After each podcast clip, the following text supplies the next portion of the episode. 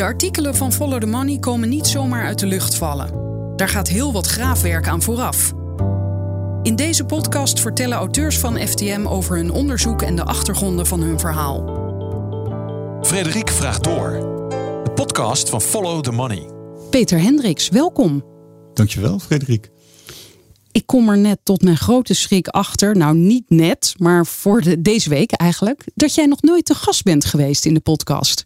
Nee, ik vroeg me al af waar, uh, waar het verzoek uh, bleef, maar nou ja, dat klopt. Bij deze dus. Ja. Um, terwijl ik toch al drie jaar bezig ben. Dat is absurd, want jij bent een van de oud-gedienden van Follow the Money. Ik zit al zeven jaar bij Follow the Money. Zeven jaar? Ja. En waren dat de zeven vette jaren of de zeven magere jaren? Financieel of qua arbeidsbevrediging? Uh, qua arbeidsbevrediging. Nee, waren het zeker de vette jaren. Ja? Ja. Hoe ben je er ooit bij terechtgekomen? Ik werkte eerst voor Fan Business. En uh, Arne, een van de twee hoofdredacteuren, was daar hoofdredacteur. Fan Business, daar trok Elsevier de stekker uit. Toen ben ik gaan werken voor het blad van EDES, de woningcorporatie, koepelorganisatie. Dat ging dus allemaal over huisvesting. Na drie jaar hield dat min of meer op. Toen was ik het zat en waren ze mij ook een beetje zat. Kon je daar wel journalistieke verhalen schrijven of was ja, dat in ja, opdracht? Ja, ja, nee, het waren wel journalistieke verhalen, maar altijd een beetje met de handrem erop. En wel, welke handrem dan?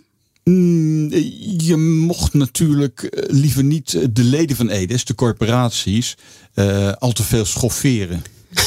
Terwijl jij dat graag doet Terwijl of zo? ik dat graag doe. Ik doe daar het journalistiek over. De, de, de pijn. Over schofferen? Nee, nee, nee. Maar in ieder geval de pijnlijke zaken boven Ja. water halen. Dingen waarvan ze eigenlijk zelf denken van ja, ja, moet dat nou? Maar na drie jaar was dat, eh, ja, was dat gewoon voorbij. En eh, toen ben ik naar Arne toe gegaan. En eh, toen zei ik van ja, weet je wat jullie missen weer Follow the Money? Een specialist in de woningmarkt. En toen zei hij ja, dat ben ik met je eens. En toen eh, ben ik met Arne en eh, Erik 20 minuten gaan zitten. En toen was de deal beklonken. In 20 minuten. Ja, ja, ja. Oké. Ja. En wat was toen het idee? Ja, je zou gaan schrijven over de woningmarkt, maar, maar over welke aspecten? Nou, het, het begon toen met de parlementaire enquête. Ik heb toen de hele parlementaire enquête, ehm, zeg maar bijna live, dus van dag tot dag. Welke enquête? De parlementaire enquête woningcorporaties Aha. in 2014. Die heb ik van dag tot dag verslagen. En ja, dat was eigenlijk eh, mijn echte binnenkomen. Daarvoor heb ik twee of drie inleidende stukken geschreven. Eh, ja, en zo is het eigenlijk begonnen. En dat was natuurlijk een heel cruciaal moment eh, in, in, in de woningmarkt. Wa- Want waar stond de woningmarkt toen? Dat is dus eh, ja, zeven jaar geleden dus. Ja, zeven jaar geleden. Ehm, waar stond de woningmarkt toe? Ja, corporaties ehm, waren toen hele vrije clubs. eh, die eigenlijk mochten opereren als bedrijven. Er was vrij weinig gereguleerd. Eh, de, er zaten heel veel zonnekoningen, wat ze noemden, in de sector. Dus corporatiedirecteuren die er al twintig jaar zaten. En die zo'n bedrijf als, eh, als hun bedrijf waren gaan beschouwen. En zich als directeur-eigenaar eh, gingen gedragen. En dan moet ik ook denken aan die kerel met die, eh, wat was het, een Ferrari? Maserati. Maserati. Ja, ja, ja. ja. Wie was dat ook weer? Hij was van eh Rochdale. Ik, ik, Oh ja, ik ben zijn naam eh, heb ik nou ja. verdrongen. Ja, precies. Ja, Oké, dus zij gedroegen zich als zonnekoningen. ja, ja. En wat deed dat met de woningmarkt? Nou, eh, het grote probleem was natuurlijk eh, dat ze ook onverantwoordelijke dingen gingen doen. Financieel onverantwoordelijke dingen. Eh, je kunt bijvoorbeeld. eh, ja, in Rotterdam was er een corporatie die dan een, een, een oud stoomschip had gekocht. En die gingen dat, de Rotterdam. En, en die gingen dat, woonbron was dat. De SS Rotterdam, toch? De SS. Rotterdam, ja. Daar heb ik nog geslapen een keer. Oh, wat gaaf joh. Ja, dat was heel gaaf. Behalve dat eh, de, hebben ze van die leuke, uiteraard, patrijspoorten. Maar die kunnen niet open. Daar Nee. kreeg ik het een beetje Nee. benauwd van. Ja. Maar ja, als je dat op zee openzet, dan slaan de Nee, golven ja. binnen. Nee, ja, ik, ik snap de gedachte. Maar die, dat was gekocht, dat schip, door een woningcorporatie. Ja, en die wilden daar iets leuks mee doen, zodat, eh, zodat er ook stageplekken voor eh, de restaurantschool die daar in de buurt was of zo konden komen. En ze hadden oorspronkelijk, dat kostte een paar miljoen. En uiteindelijk ging het, eh, het hele restaureren van het schip tientallen miljoenen kosten. En eh, ja, daar is een woningcorporatie niet voor bedoeld. Eh, die is bedoeld om woningen te bouwen en om zuinig en doelmatig met geld om te springen. En ze hadden dus een hele serie uh, zonnekoningen lieten ze voor het hekje komen. Uh, om eens te kijken wat ze, wat ze precies uh, te melden hadden. En uh, ja, dat heeft heel reinigend gewerkt. Ja, wat is er toen veranderd? Zij vertrokken allemaal. Ja, ja, ja, ja, die konden niet meer blijven zitten. Veel, veel waren er ook al uitgebonjourd. Maar sindsdien mag een, uh, een corporatiedirecteur maximaal acht jaar op zijn plek blijven zitten. Dus je krijgt niet die hele grote verbondenheid met die corporatie. En de regelgeving is enorm, uh, is enorm aangescherpt. Ze worden veel meer in de gaten gehouden. Ze mogen gewoon een heleboel dingen niet meer. Hè? Dat is, ja, waartoe zijn jullie uh, op aard? Dat is niet om uh, rare, spectaculaire, peperdure architectonische hoogstandjes uh, te financieren. Dat is niet om schepen te bouwen. En uh, ja, Vestia was natuurlijk de allergrootste ramp. Waar ja, die hele corporatie door ongepaste derivaten miljarden en miljarden in het rood stond. Dus dat is allemaal heel streng aangetrokken. En is toen ook die verhuurdersheffing ontstaan of was die al ouder? Nee, nee, nee. Die stamt ongeveer uit dezelfde tijd. Iets daarvoor nog. 2013 geloof ik. Want dat werd een soort extra, hoe moet ik dat zien, extra belasting voor de wooncorporaties? Ja, was gewoon een belasting. Was gewoon een belasting. Ze moesten extra geld afstaan aan het Rijk. Ja, ja bij elkaar de hele sector 1,7 miljard. Per jaar? Per jaar. Zo. En eh, waarom was dat dan? Omdat vond de overheid dat de woningcorporaties te rijk waren geworden? Wat wel zo was? Ja, ja. Of te rijk, wat is te rijk, maar heel rijk? Dat vonden ze sowieso. Dus ja, er was een hoop wat ze noemen goldplating. Weet je, dat, ik weet nog gewoon nog wel bij Edis verhalen. Uh, dat uh, het hele personeel voor een uitje mee werd uh, genomen naar Afrika. voor een paar dagen. Een paar dagen? Een paar dagen. En uh, dat er dan ergens in, uh, weet ik veel, in Sudan of Zambia op een hoek een uh, gewone patat tent stond, Nederlandse stijl. En weet je, dat soort excessen. Gewoon dat er veel te veel geld in die sector zat. Toen kwam die heffing dus. En wat is daarmee gedaan met dat geld? Ging dat dan ook naar de woningmarkt of nee, naar hele nee, andere nee, zaken? Dat was, dat was het grote kritiekpunt. dat ging gewoon in de algemene middelen. Dat, dat ging gewoon naar het ministerie van Financiën. Het goede ervan is dat alle corporaties zijn gaan saneren. Die zijn eindelijk eens gaan kijken, twintig jaar nadat iedereen daarmee was begonnen, van hoe efficiënt is onze corporatie? Hebben we niet veel te veel mensen in dienst? En toen bleek uh, al die corporaties inderdaad moddervet te zijn. Dus werden er een heleboel mensen uitgeknikkerd. Dat was goed. Maar niet goed voor die mensen, maar wel voor, de efficiëntie. Mensen, maar gewoon bedrijfsmatig was, ja. dat, was het goed. Ja, en daarna uh, ging het gewoon ja, behoorlijk fout. Omdat er nog steeds een enorm bedrag opgehoest moest worden. Dat kon op twee manieren. Door de huren heel drastisch te verhogen. En dat is jarenlang gebeurd. En dat, dat, dat moedigde de, de overheid ook aan. Want het gat tussen de vrije sector en de sociale sector moest kleiner worden. En ja, er werd veel verkocht. En het derde punt is natuurlijk dat iedereen heel voorzichtig werd. Het, het vertrouwen ging uit de corporatie. Iedereen die zei van ja, ik ga niet woest investeren. Want ik wil in de eerste plaats geld hebben om die heffing te betalen. Dus er werden geen nieuwe sociale woningen meer bijgebouwd? sociale woningen. En de productie halveerde. En als je het allemaal bij elkaar optelt, zijn er sinds 2013, 2014 ongeveer 100.000 sociale woningen niet gebouwd door die heffing. Terwijl we nu, stel dat die wel gebouwd waren, dan was er nog een tekort van 900.000 geloof ik. Hè? Er moet toch 1 miljoen woningen bij? Of? Ja, maar dat is over 10 jaar uitgesmeerd. Oké, oké. Okay. Ze gaan er echt vanuit dat uh, de bevolkingsgroei behoorlijk uh, blijft uh, doorgaan. Loopt die heffing nu nog steeds? Betalen ja. ze nog steeds 1,7 miljard per jaar? Ja, misschien, en, misschien wel wat meer. Want het is gekoppeld aan de WOZ-waarde van die woningen een bepaald promilage van de WOZ. En die is natuurlijk gestegen. En is het kabinet, nou welk kabinet zou je zeggen, maar is het kabinet het ermee eens als de woningcorporaties zeggen: ja, door die heffing hebben wij minder huizen kunnen bouwen? Of wijzen zij een ander, andere reden aan? Nou, sommige partijen, zo langzamerhand is iedereen het er wel mee eens. Alleen de VVD zegt, en daar zit ook een, ook, hebben ze ook een punt. Zeggen ze ja, als je dat geld wel zou hebben, dan eh, zou je nog niet kunnen bouwen, want er is te weinig grond. Kun je het maar beter aan ons geven? Te weinig grond in algemene zin in Nederland? Ja, te weinig bouwgrond. Nederland is, ja, eh, is, is helemaal uh, opgedeeld, zou je kunnen zeggen, in, uh, in planmatige blokken. En het is heel moeilijk om in Nederland sowieso buiten de steden te bouwen. He, uh, omdat de provincies hebben een beleid van we moeten binnenstedelijk bouwen. En ja, het duurt acht jaar tussen het initiële plan en het geven van de sleutel aan de bewoner als je in een stad wil bouwen. Het is ook veel duurder. En ja. En waar, waar komt dat idee eigenlijk vandaan dat als we bouwen, dat we dat in de stad willen doen? Nou, dat is een heel uh, milieuachtig uh, idee. Van we moeten in Nederland zuinig zijn met het groen. Ja. En we moeten niet het, het, het groene hart vol gaan, uh, gaan plempen met. Uh, Phoenixwijken. Met Phoenixwijken. Zodat ja. op een gegeven moment Den Haag, Leiden en Utrecht aan elkaar groeien.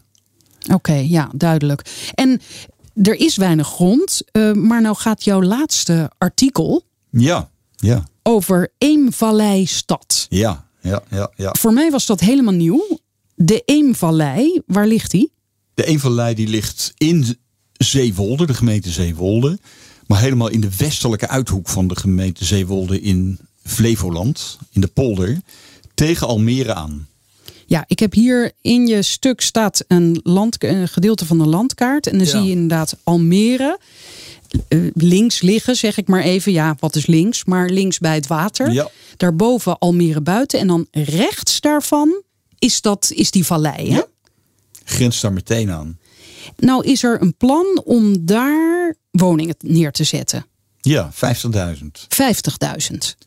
Op 4.000 hectare. Ik dacht 100.000. Nee. 50.000, oké. Okay, nou... 50.000 woningen en er kunnen gemiddeld 100.000 mensen zullen daar wonen. Oké, okay, ja, dat was het. Maar dat, en dat is het laatste nieuwe plan waar jij over schrijft. Dat is ja. bedacht door een consortium van bouwers, zeg ja. ik nu even simpel. Ja. Maar er is al een ouder plan dat zegt, ja, inderdaad, we gaan hier huizen bouwen, maar het worden er maar 10.000. Ja. De, en, en, tussen, en die frictie, daar gaat jouw stuk eigenlijk over. Ja, ja. Zeewolde en um, Almere. Toen was Adrie Duivenstein, uh, ja, het beroemde PvdA-woningmarkt-icoon. Die was daar wethouder in Almere. En die zei, we moeten twee dingen doen. We moeten op de uh, zuidwestpunt van, uh, ja, van de polder, dus van Almere, moeten we een nieuwe wijk bouwen. Almere Pampus. Er ligt ook allemaal landbouwgrond. Dat ligt dus een beetje links van die vallei. Uh, nee, nee, nee. Uh, links van de stad. Helemaal in, aan de punt van, uh, van de polder. Tegenover het, het IJmeer. Aan het IJmeer. Ja. ja.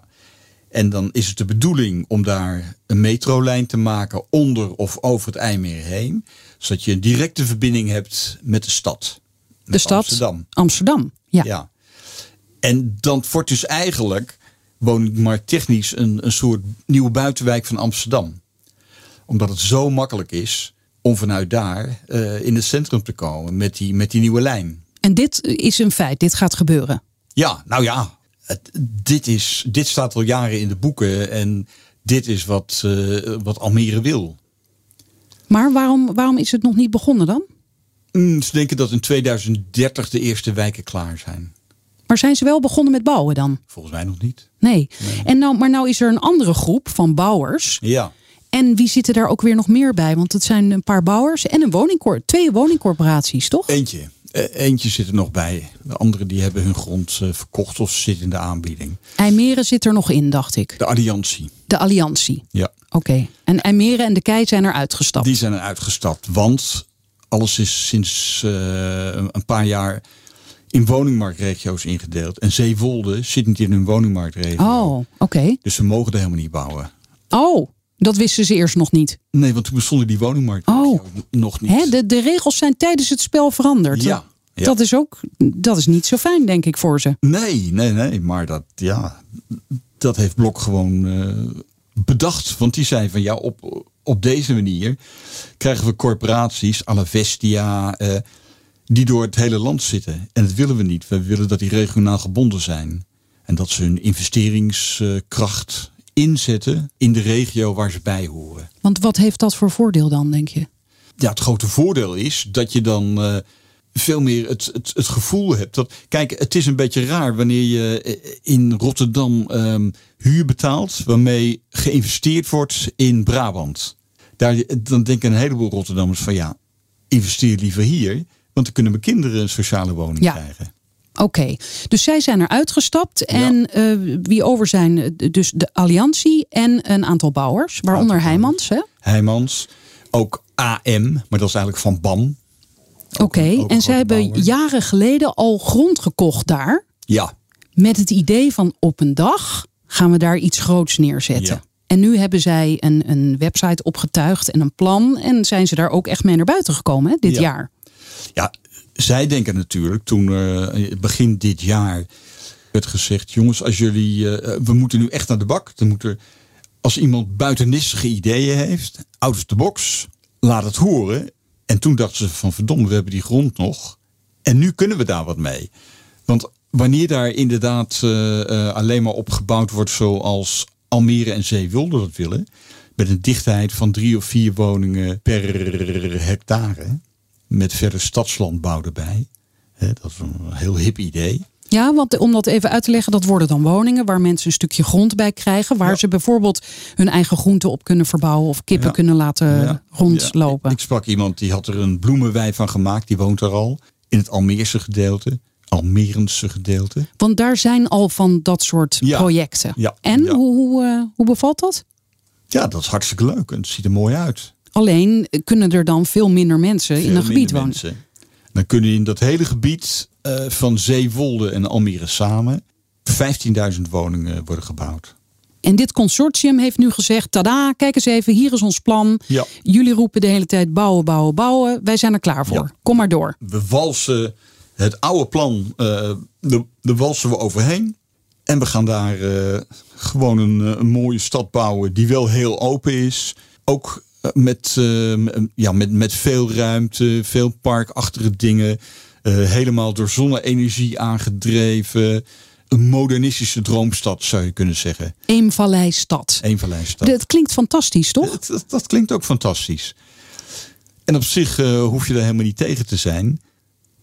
Alleen zegt Almere, ja wacht eventjes. Wij hebben al lang een plan voor de hele regio dichte bebouwing van 30.000 woningen op de punt, Almere Pampus. 15.000 woningen in dat, in, in dat gebied waar jullie willen gaan zitten en een gedeelte van Almere. En dan kom je samen op 45.000 uit. Jullie willen daar 50.000. Ja, dat scheelt niet zoveel. Waarom zouden wij al onze plannen overboord gooien om jullie te behagen? En wat geven ze daarvoor antwoord op? Nou, het consortium zegt, ja, we kunnen toch uh, uh, Pampus en, uh, en Eenvallei Stad kunnen we samen doen. Samen ontwikkelen, maar niet aan elkaar plakken, toch? Nee, Want het ligt nee, uit elkaar. Nee, tegelijk, ja. tegelijk ja, ja. ontwikkelen. Ja. En de vraag is of dat kan. Want we hebben in Nederland een hele beperkte bouwcapaciteit. Is dat zo? Ja, ja, ja. ja. We, hebben, we hebben niet genoeg bouwbedrijven? Mm, het zijn wel, wel genoeg bedrijven, maar te weinig handjes, te weinig vakmensen. Er is een tekort, zoals in vele sectoren. Ja. Ja. Tijdens de recessie eh, zijn een heleboel eh, vakmensen die zijn eruit gegaan en die komen ook niet meer terug. Welke recessie? De coronarecessie of die van nee, daarvoor? Nee, nee, nee. Tijdens eh, De financiële crisis. de 2008-recessie, die tot 2014 in Nederland zo'n beetje geduurd heeft, werd er nauwelijks gebouwd. En een heleboel vakmensen zeiden, ja, bekijk het maar. Ik ga bij de beveiliging of ik ga met pensioen of ik, eh, ik word portier ergens. Of ik ga klussen. En eh, die mensen krijg je dus niet meer terug. En het aantal vaklieden is geloof ik van 180.000 teruggelopen tot 100.000. En dat krijg je niet 1, 2, 3 weer terug.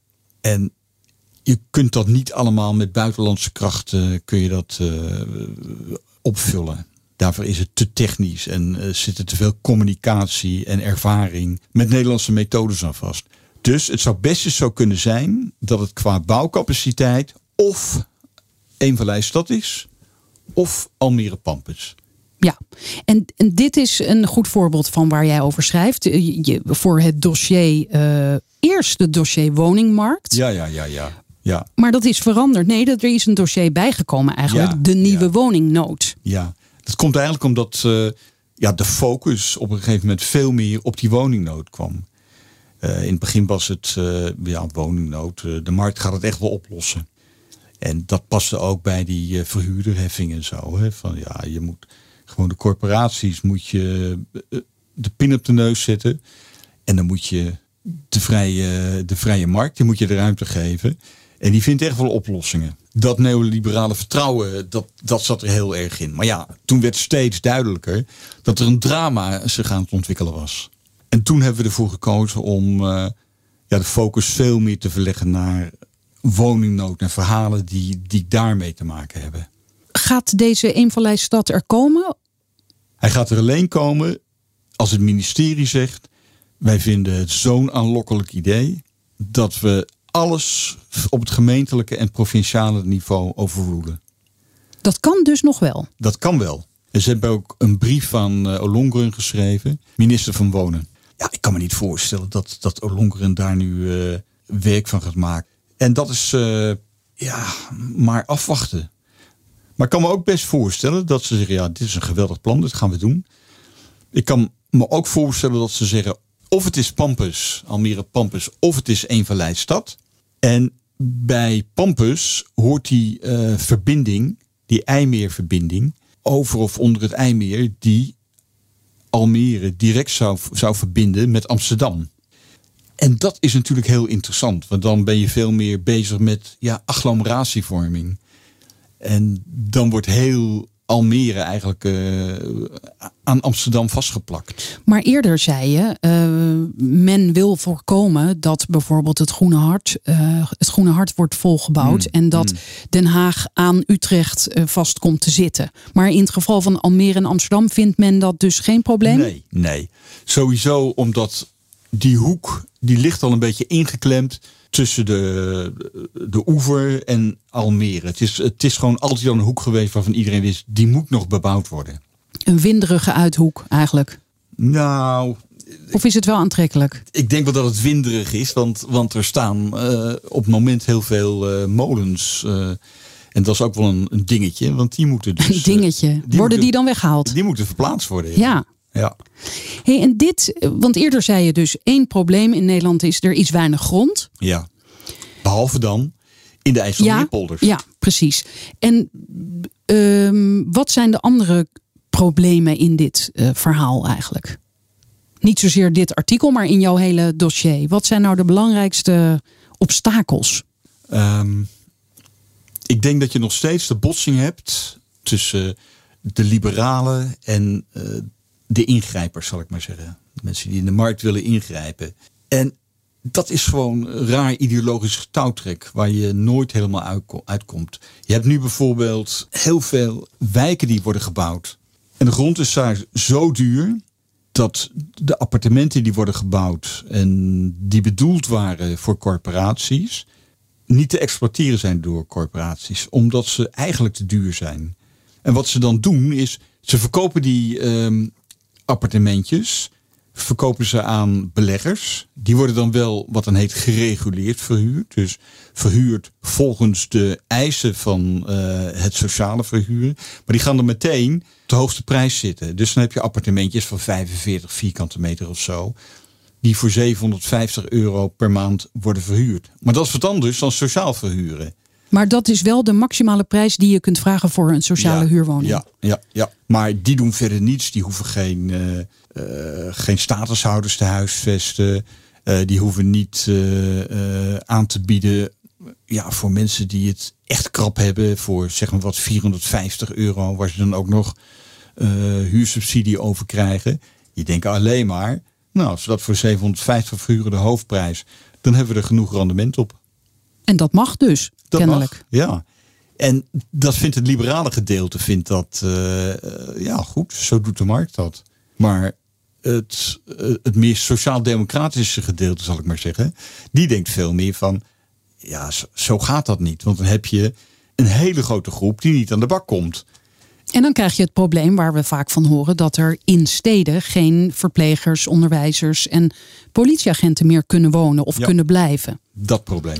En daarvan hoor je dan iedereen zeggen: ja, dit, dit is heel erg. Dat, daar moeten we iets aan doen. Ja. Maar daar is het misschien wel te laat voor als je nu zo hoort wat het, hoe het systeem in elkaar zit. Ja, maar goed.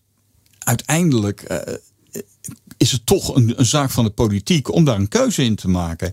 Eh, die komt er ook achter dat 750 gewoon te veel is. Ik denk, ik denk dat er op een bepaald moment eh, echt een besef eh, gaat doordringen. En de VVD eh, zal tot het laatste moment tegenspartelen. Waarbij je moet zeggen van ja jongens, we hebben gewoon 30% eh, of misschien wel meer sociaal nodig in Nederland. Omdat onze woningmarkt zo in elkaar zit. Maar 30% op hoeveel procent zitten we nu dan gemiddeld? We zitten nu op 29. Maar het was. eh, Dus dan hoeft er maar één procentje bij. Ja, maar goed. Het komt af van 35%. Maar de trend is geweest om het steeds lager te maken. En dat is bijvoorbeeld eh, gelukt om door die corporaties die enorme heffing op te Ja. leggen, zodat ze geen nieuwe huizen meer bijbouwden, wat jij net zei. Dat hè. En doordat ze eigenlijk gedwongen werden om ook veel vastgoed te verkopen. Ja, maar eh, gemiddeld 29 procent. eh, meen- Landelijk. Landelijk. Nee. Ja, want ik meen dat in de steden het toch wel wat hoger ligt. Nou ja, in Amsterdam ligt het veel hoger. Ik geloof, ik geloof 45 of zo. Maar En dat houdt in dat 45 procent van de woning, van de huurwoningen moet sociaal zijn. moet niet sociaal, maar is, is, Is sociaal, Is sociaal. En in bezit van corporaties. Ja, moet in de zin van daar, dat percentage moet wel op peil blijven. Eh, dat, ja. Ja, Ja, woningcorporaties mogen niet opeens al hun sociale Nee. huurwoningen gaan verkopen. Nee, nee, nee. Dan krijgen ze met de wethouder te maken. Ja. Want de wethouder die legt zijn eisen op tafel. Ik wil dat jullie dat en dat doen. En ja, daar heb je je aan te houden. Dat, daar, dat zijn de prestatieafspraken tussen de corporaties en de wethouder. En denk je nou wel eens, want je bent nu dus een jaar of tien al met dit onderwerp bezig, Ja. eh, dat wij, men, veel te laat is met dit besef? Ja, ja natuurlijk. Dat, dat- Maar kan het nog goed komen dan? Ik denk namelijk van niet. Laatst dacht ik ook nog van ja, al die mensen die nu die hele dure huizen kopen. En dan heb je het niet over huurders, maar mensen die al hun geld of met behulp van hun ouders of weet ik veel wie. En dan een heel duur huis kopen en Hmm. Ja. die goede baan hebben. Die gaan toch nooit meer hun huis voor, hopelijk althans voor hen, voor veel, veel minder verkopen. Dus steeds meer huizen worden toch onbereikbaar? Nou, zo werkt het niet. Als, als je in de koopsector, laten we zeggen dat, je, ehm, eh, dat de rente gaat stijgen. Mensen denken niet in prijs, maar mensen denken in maandlasten. Als de rente gaat stijgen, dan dalen de prijzen van de woningen. Of je dat nou leuk vindt of niet, als je dan weg moet, omdat je een andere baan krijgt, ja, dan moet je je huis met verlies verkopen. Dus als de rente omhoog gaat, dan gaan de prijzen naar beneden. Dat zijn gewoon communicerende vaten. En wanneer gaat de rente weer omhoog? Die is nu omhoog aan het gaan. Zodra eh, de inflatie oploopt, hè, dan, eh, dan moet de rente weer omhoog om die inflatie te onderdrukken. Maar hij, gaat, hij kruipt nu omhoog. Hij kruipt nu eh, wat omhoog. En we weten niet of dat een blijvende trend is of dat het een, een rentehobbel is. Maar goed, we weten het niet, maar er zijn wel instanties die eh, die niveaus bepalen. De rente gaat toch niet vanzelf omhoog? Jawel, Die gaat vanzelf omhoog. ja. De, de hypotheekrente is gekoppeld aan de obligatiemarkt. En op de obligatiemarkt wordt de rente uiteindelijk door vraag en aanbod eh, bepaald. Dus ook daar zijn we afhankelijk van de markt. Ja, ja. En er worden wel officiële rentetarieven eh, door de ECB eh, bepaald. Ja, Maar die hebben toch een iets andere functie. Die hebben eigenlijk ehm, als, als functie, dat is de prijs waartegen banken geld kunnen kopen bij de centrale bank voor hun financiering. ja, maar dat berekenen ze wel door aan de klant. Ja, tuurlijk. dus in die zin wordt het wel beïnvloed door bijvoorbeeld de ECB. Ja, dat, maar de ECB staat natuurlijk ook niet los van de obligatiemarkt. Als de obligatiemarkt eh, eh, rentes heeft van eh 6%, dan zegt de ECB niet wij blijven op nul staan. Dus dat is allemaal aan elkaar gekoppeld. Dat, het zou niet werken als, als, als je daar niet aan meedoet als centrale bank zijnde. Maar Heel concreet, denk jij dan dat de, de binnensteden ooit nog weer bereikbaar worden uh, voor mensen met minder geld? En dat zij daar weer een huis kunnen kopen? Dat lijkt me toch heel sterk. Nee, dat, dat denk ik ook niet. Het kan alleen maar wanneer, uh, wanneer er ergens een, uh, ja, een oud pand of een fabriek wordt gesloopt. En de gemeente zegt wij willen dat hier sociale woningbouw komt. En we willen daar bijvoorbeeld ook 20% sociale koop. Want dat is eh, ook weer, Dat heb je ook nog, sociale ja, koop. Sociale koop. En wie legt dan dat verschil bij? Uh, ja, dat wordt dan uh, eigenlijk bijgelegd door winsten die ze maken op dure projecten. Door de corporaties dus, eigenlijk? Nee, de, dus wie, wie, kijk, iemand wil jou een huis verkopen? Laten we zeggen Amsterdam. Hè. Daar, daar is de, de grond uh, in bezit van de stad. Ja. Dat is erfpacht. Omdat je op een gegeven moment op de, op de Zuidas heel erg veel uh, bouw had. En dat was allemaal van bedrijven. Daar vroegen ze de hoofdprijs de gemeente.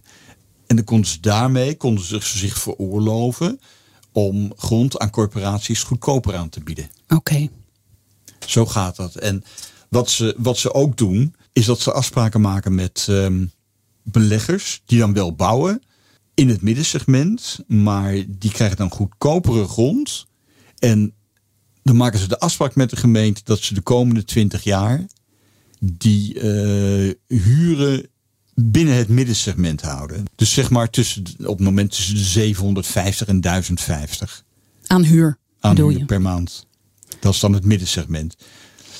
En dan zou misschien de markt het mogelijk maken om 1300 te vragen. Maar omdat ze die subsidie hebben gekregen via de grond, hebben ze zich vastgelegd op dat stuk van de huurmarkt tussen 750 en 1050.